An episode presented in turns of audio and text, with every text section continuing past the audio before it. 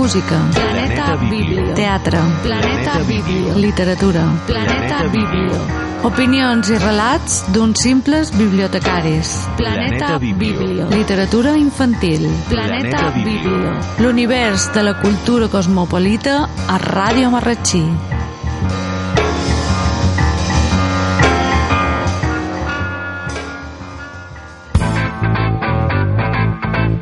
A la biblioteca trobaràs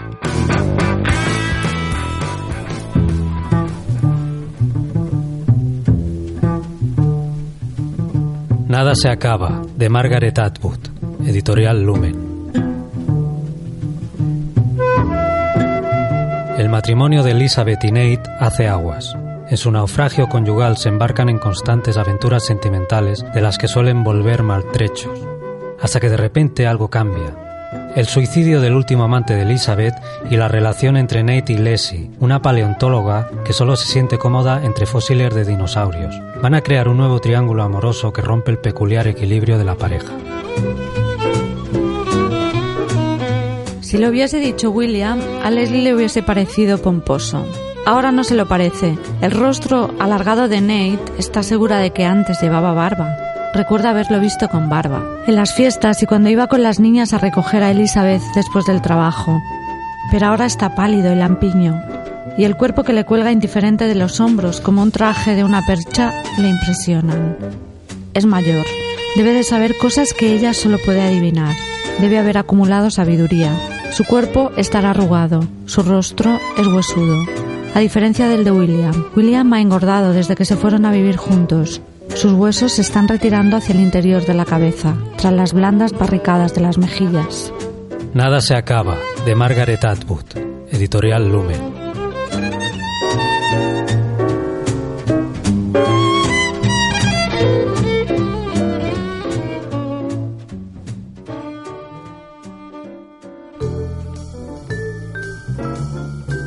Para que no te pierdas en el barrio, de Patrick Modiano, anagrama. Jean d'Aragan, un escritor solitario, recibe una llamada telefónica. Un desconocido de voz ligeramente amenazante le habla de una vieja libreta de direcciones que probablemente perdió en un tren que venía de la Costa Azul y lo cita para entregársela. El desconocido se presenta acompañado de una enigmática joven y se interesa por uno de los nombres de la libreta.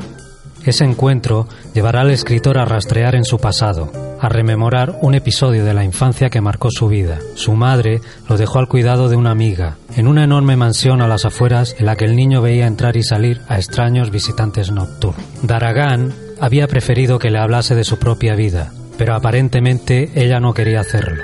Estaba en el sofá de perfil. Una imagen que seguía siendo muy nítida pese a todos aquellos años perdidos le volvió a la memoria. Una tarde, Annie, en esa misma postura, con el torso erguido, de perfil, sentada al volante de su coche, y él, un niño, a su lado. El coche estaba aparcado delante de la portalada de la casa de Seillot-la-Forêt. Se había fijado en una lágrima, apenas visible, que bajaba por la mejilla derecha de Annie. Había hecho un gesto brusco con el codo para secársela. Luego, había puesto el motor en marcha como si no pasase nada. Para que no te pierdas en el barrio, de Patrick Modiano, anagrama.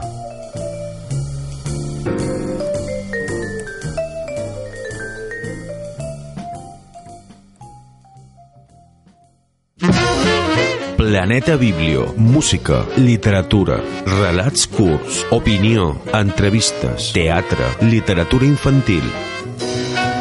Planeta Biblio, l'univers de la cultura cosmopolita a Ràdio Marratxí.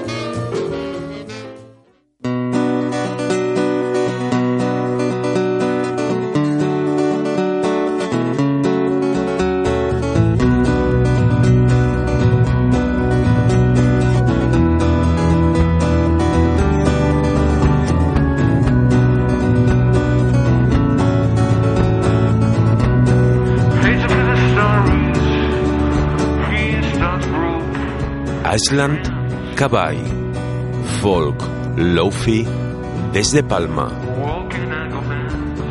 Island Cavall Escucha su disco en Bandcamp. Island Cavall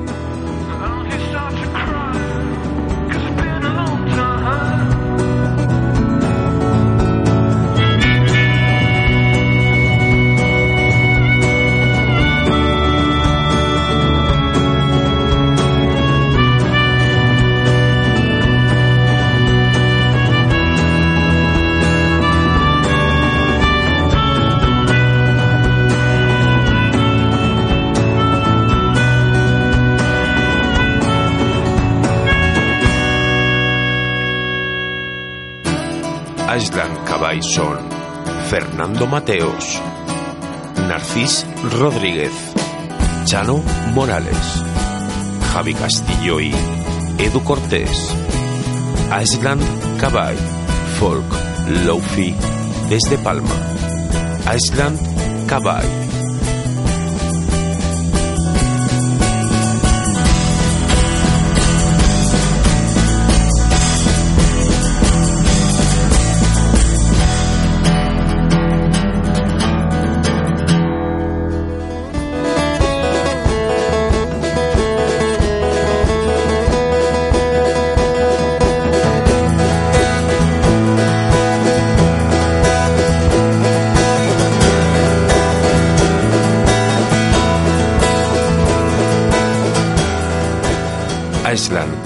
Presenta su debut, Island Cabay. Escucha su disco en Bandcamp, grabado en los estudios Impala 1. Island Cabay, folk, lofi, desde Palma.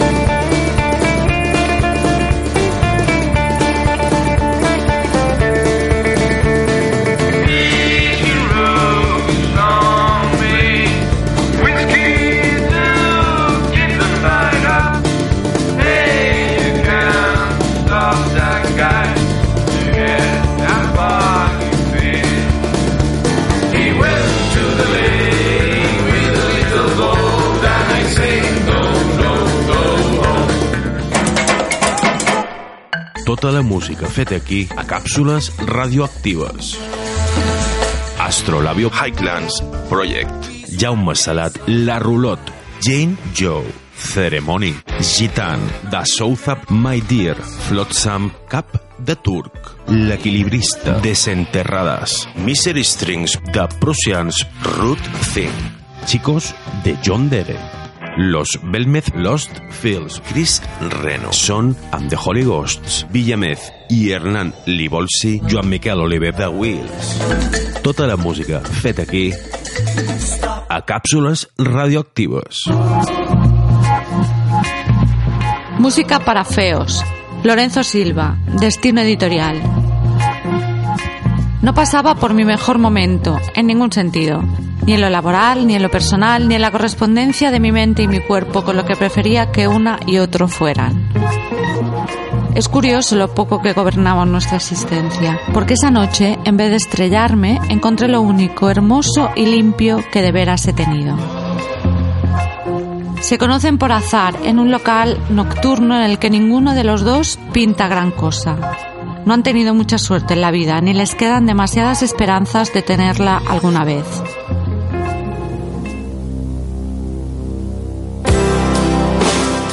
La canción se llamaba A Love So Beautiful y según mire luego, se había publicado en 1989 dentro de Misery Girl, el disco póstumo del cantante Roy Orbison. Como curiosidad, la música era de Jeff Lynne, el líder de la Electric Light Orchestra, aquella banda de melenudos de los violonchelos. Aún sin saber la historia, me estremeció oír aquella voz. Love so beautiful in every way.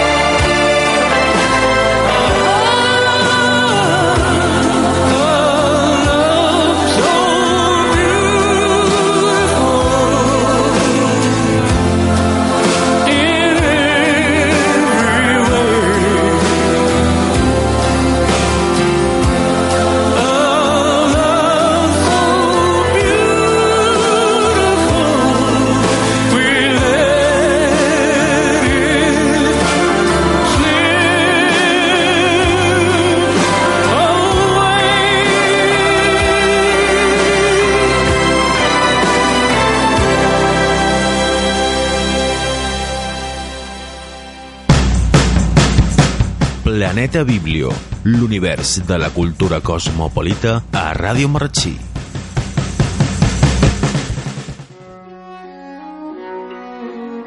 Lourdes acaba de conocer a la que cree que será su pareja ideal. Y Ana ha soñado con una estatua atribuida al greco que le revelará cosas inimaginables. Doménica, original de Pica Durán, sala patita del Teatro Principal.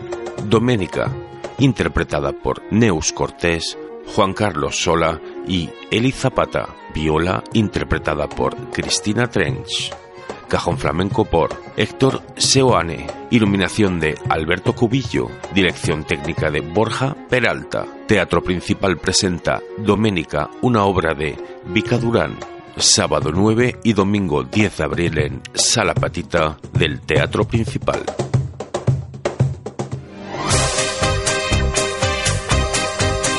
Opinions i relats d'uns simples bibliotecaris.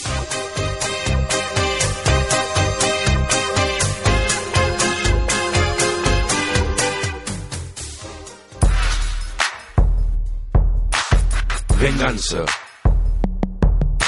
Un relat original de Julián Cala. Vengança.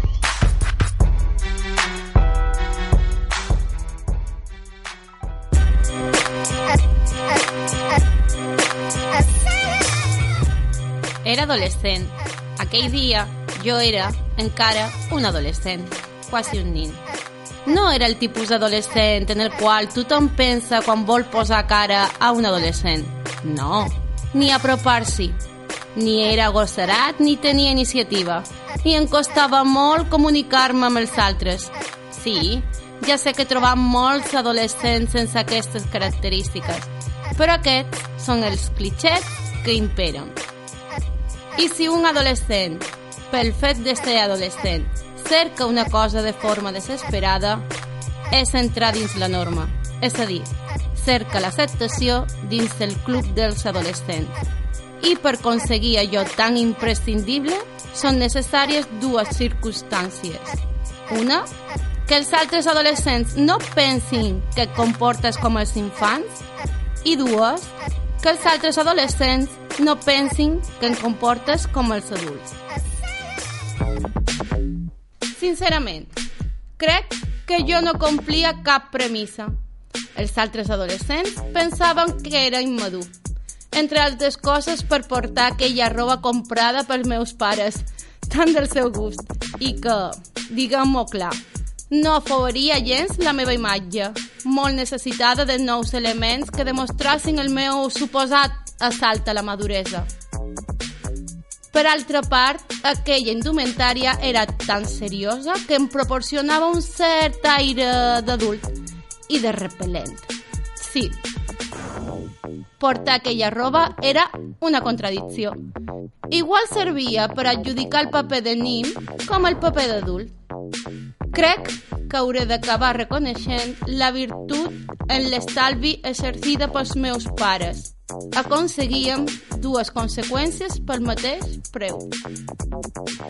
Per a redonir la història, una cosa més. Era petit.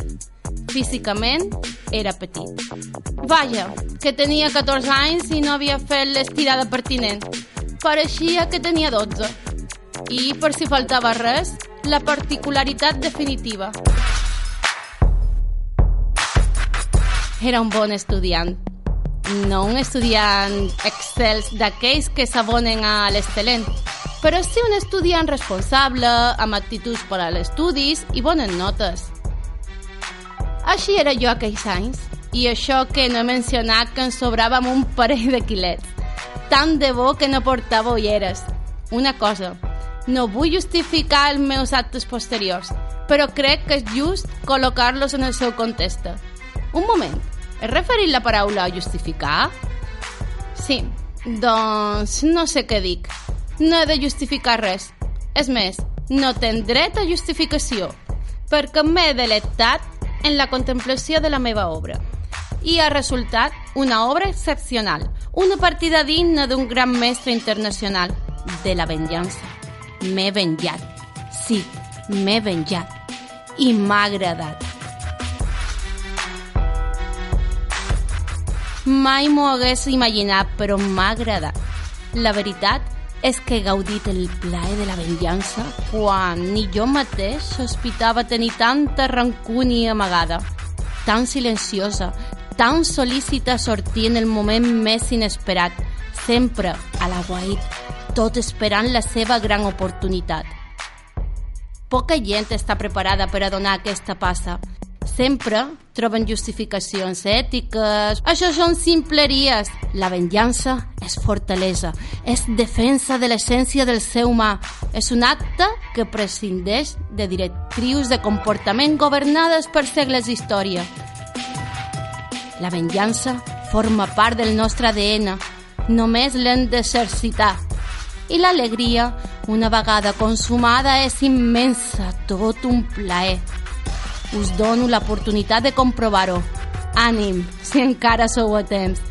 Us asseguro que el seu exercici no us defraudarà.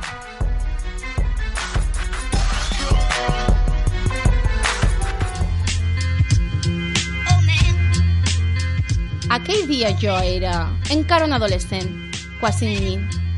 Els meus pares, no sense reticències i en certa por, m'havien donat una petita oportunitat per a l'exercici de la meva pròpia autonomia. Com que havia començat els estudis a l'institut i aquest distava uns quants quilòmetres de la meva casa, no es quedava més remei que afrontar el fet que havia d'utilitzar el servei de bus de la ciutat. I no havia d'utilitzar un, sinó dos autobusos d'anada i dos de tornada. Allò semblava tot un repte per a mi. Jo crec que ho feia bé, sincerament. Prenia els autobusos de la línia que em pertocava i si em perdia un, doncs esperava el següent. Prova superada. Però aquell dia no vaig agafar el bus. Vaig arribar a casa en cotxe. Que bé, no? I em van acompanyar. Perfecte. Però on està el problema? Doncs que m'acompanyaren, precisament. I no sembla que és un bon pla? Sí, però és que jo realment no volia. M'explic. Aquell era un dia d'hivern desagradable, amb vent, pluja i fred. Molt de fred. Vaig anar com cada dia després de classe a la parada del bus. Aquell dia jo pareixia una boia. Duia jerseis, no sé quants, tots preparats al matí primorosament per mo mare. I també l'abric, la maleta i una carpeta. En aquell moment jo pareixia... Què dic? Pareixia... No, no pareixia. Jo era... Era un esquimal d'Alaska trasplantat a una illa mediterrània. I aquell cotxe passà. I crec que ni em vaig adonar de la seva presència fins que es va aturar i un cap sortir de la finestra i em parlar. Vengança. Un relat original de Julián Cala. Vengança.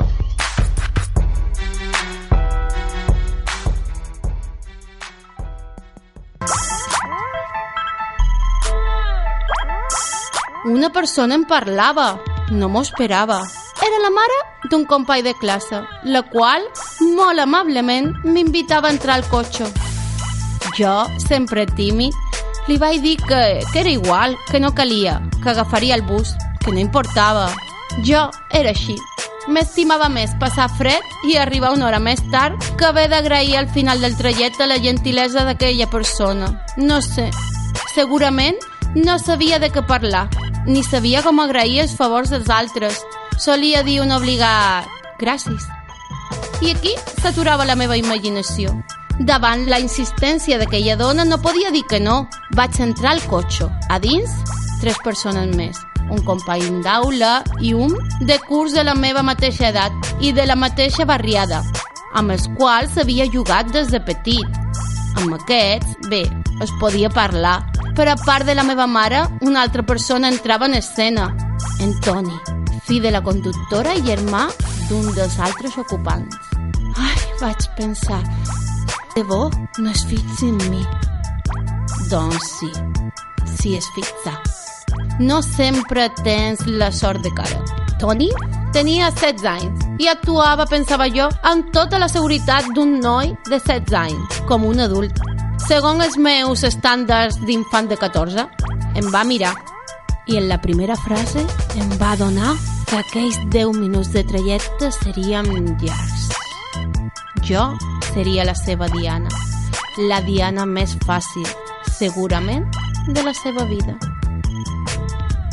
Em tenia a 45 centímetres i començar a tirar amb metralleta, una bala darrere l'altra. Ho tenia molt fàcil, sí, i no falla. Podria haver estalviat qualque bala, però no. Al final, disparar tot l'arsenal i totes les bales feren diana. Totes, amb punteria, ben al centre.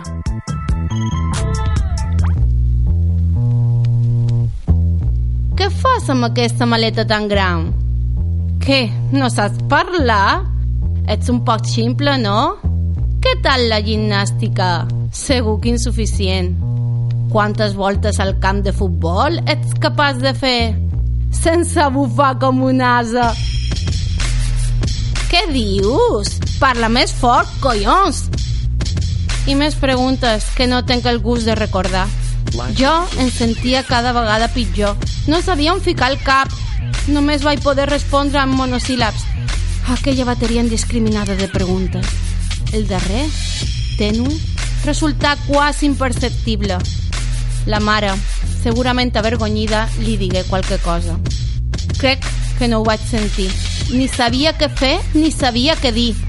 Amb els anys, i recordant aquell moment, crec que vaig tenir les mateixes sensacions que sent quan una ràbia incontenible impossible d'aturar es puja pel cap.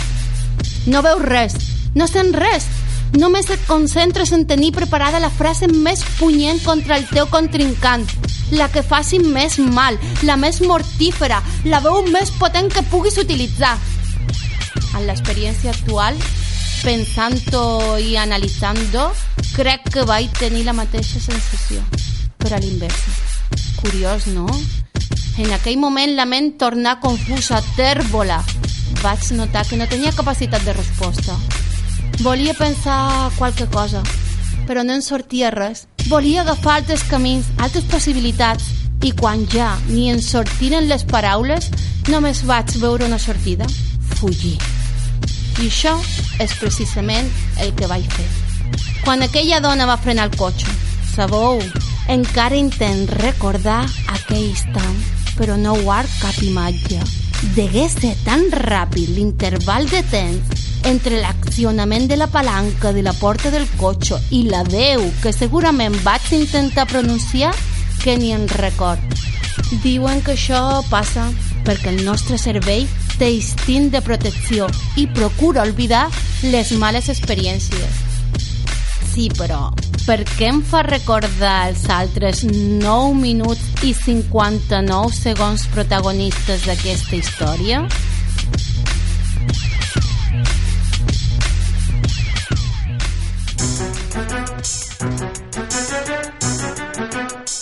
Vaig obrir la porta de casa i vaig entrar a la meva habitació. L'abric, la maleta, la carpeta acabaren tirats a un racó. Amb esforç vaig intentar posar la cara de sempre, la neutra, la de cada dia, però es veu que era impossible perquè ma mare, en dècimes de segon, ho va veure. Què t'ha passat? Vaig sentir la veu de la mare i em vaig esfondrar. Vaig plorar, vaig plorar molt. És que no era només el després exercit, era també la ràbia d'haver pres consciència de que tenia poques armes per enfrontar-me als inconvenients, de que era una persona indefensa, de que encara era un nin. Sí, jo era un nin, sí. Per molt que ho intentàs, jo encara era un nin. Mentre altres començaven ja a volar. Ma mare, com totes mares, sabia com consolar-me i em va abraçar. Això en durà un parell de dies més i a poc a poc el seu registre es va anar enfonsant en els arxius de la memòria.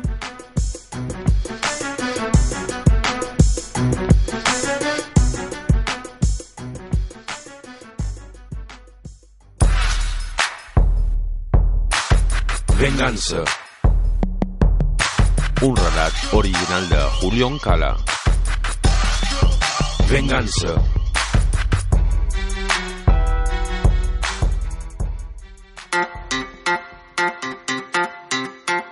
I ara, lletra menuda.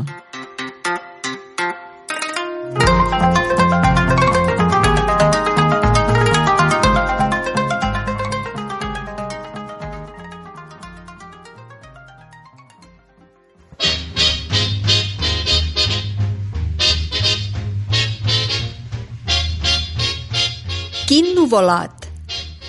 En Marc estava molt enfadat. Se li havia fet malbé el seu robot preferit. I quan en Marc s'enfadava, serrava les dents, arrufava el nas i s'aguantava la respiració.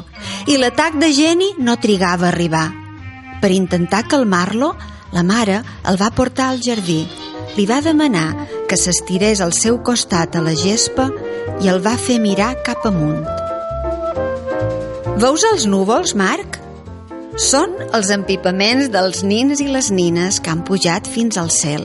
Hi ha els vermells, que són els empipaments més grossos. Floten en l'aire fent tombarelles i vesteixen el cel de color rosat. A més, tenen formes molt divertides. Veus aquell que sembla un drac? En Marc li va agradar especialment un que li va recordar el cavaller del conte que estava llegint. Era un cavaller molt divertit, el qual li feien molta por les princeses i fugia espordit cada vegada que en veia una. Els núvols blancs, va continuar la mare, són el dels disgustos, els empipaments petits. De seguida es transformen en cotó fluix i volen per fer pessigolles al sol a la panxa. En Marc no li costava gaire imaginar el tacte suau d'aquells núvols. Segur que s'assemblava a les carícies de la mare. També hi ha els núvols negres. Són els núvols de les enrabiades, els dels grans empipaments. Quan pugen al cel i esclaten, les llàgrimes es transformen en xàfecs, les rebequeries en llamps i els crits en trons que fan molt de renou. De sobte, Marc va descobrir damunt del seu cap un núvol negre, tan negre com la nit, o com el pèl arrissat del seu gos brau. I si era el núvol del seu propi empipament? Ara bé, els núvols dels empipaments es poden desfer, va continuar explicant la mare. Només cal respirar fondo i deixar anar l'aire molt a poc a poc. En Marc va agafar aire, va posar la boca en forma d'U i va bufar lentament.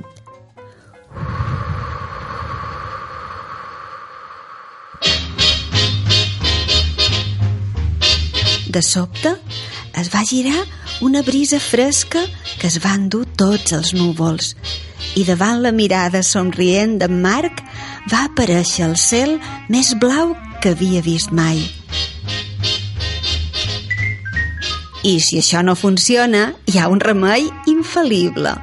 Els petons i les abraçades de tota la gent que t'estima, li va dir la mare. I mentre ella l'abraçava i li feia carantoines, un sol enorme i radiant va començar a brillar al cel i al cor d'en Marc.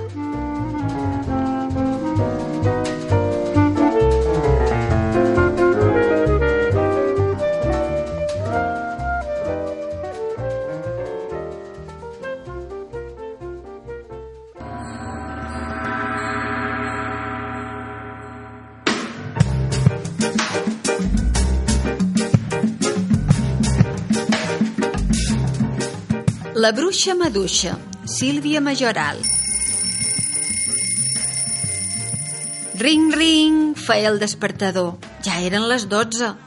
La bruixa maduixa, que es deia així perquè tenia les galtes tan vermelles com aquesta fruita, amb els ulls encara clocats, va donar un cop a la màquina escandalosa i pesada. Com li costava sortir del llit. Tenia tanta son, però s'havia d'aixecar per anar a treballar. Va mirar per la finestra. La lluna ja s'havia instal·lat enmig del cel. Es va dutxar i es va vestir en parsimònia. les mitges negres, els guants liles, el vestit negre i el barret punxegut. Va treure la mà per veure si feia fred, però no en feia, ja arribava l'estiu. Ensopegant, encara mitja dormida, es va preparar el seu esmorzar i el del gat Bigotis. Després van anar cap al garatge a recollir l'escombra i van sortir volant cap a la farmàcia. Van passar per sobre de tota la ciutat. Als carrers hi havia poc cotxes. Els camions dels escombraires feien tant soroll com sempre. Quan va veure la creu vermella de la farmàcia, van aterrar, van aparcar l'escombra i hi van entrar. La bruixa de seguida es va posar a fer barretges de pomades, sucs i cremes per aconseguir la medicina de curar el mal d'orella. El moixet s'ho mirava espantat i se li erissaven els pèls cada vegada que va sortir fum de colors de les ampolles. Van treballar tota la nit, fins que el primer raig de sol va entrar per la finestra. Ja és hora d'anar a dormir, bigotis, cridava la bruixa, però el bigotis havia desaparegut. On es deu haver ficat, aquest moixet tafaner? Ja és hora d'anar a dormir. Aviat els nins s'aixecaran per anar a l'escola i s'espantaran si em veuen pel carrer.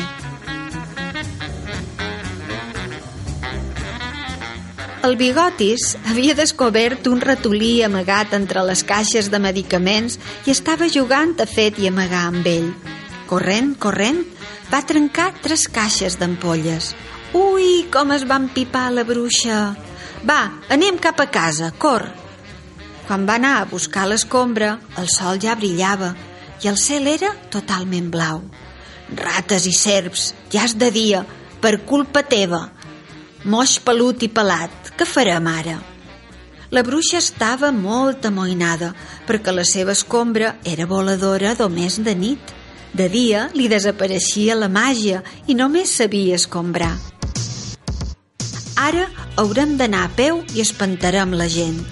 La bruixa, molt avergonyida, va sortir al carrer i va començar a caminar cap a casa. El bigotis se n'anava entremig de les seves cames. Em fan mal els ulls en tanta claror. Sort que tenc aquí les ulleres fosques per a nits de lluna plena. Al carrer s'havia omplert de gent i cotxes. Uns anaven al mercat, altres a treballar i els nins a l'escola. Un grupet de nins va descobrir la bruixa i de seguida la van començar a perseguir rient i cridant. Brutgelletja, ten berrugues al nas, que no et pentines mai? Que se t'ha espatllat l'escombra? Compra't una moto. La bruixa va intentar fer cara de dolenta, però els nins encara reien més. Bruixalletja, no fas por. Quin nins, pensava la bruixa. Abans haurien fugit tots plorant. Com canvia el món? La bruixa va haver d'agafar un taxi per poder arribar tranquil·la a casa. Quan va pagar, va veure que el conductor també se li escapava el riure i mormolava. Apa, ja torna el carnestoltes. La bruixa, molt trista, va decidir no sortir mai més de dia.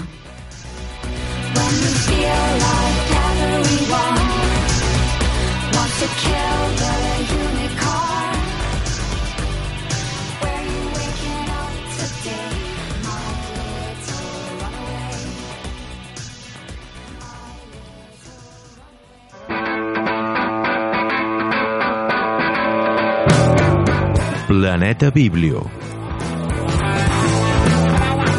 Un magazín de l'univers cultural a Ràdio Marratxí. Planeta Biblio. Àrea de Cultura, Ajuntament de Marratxí.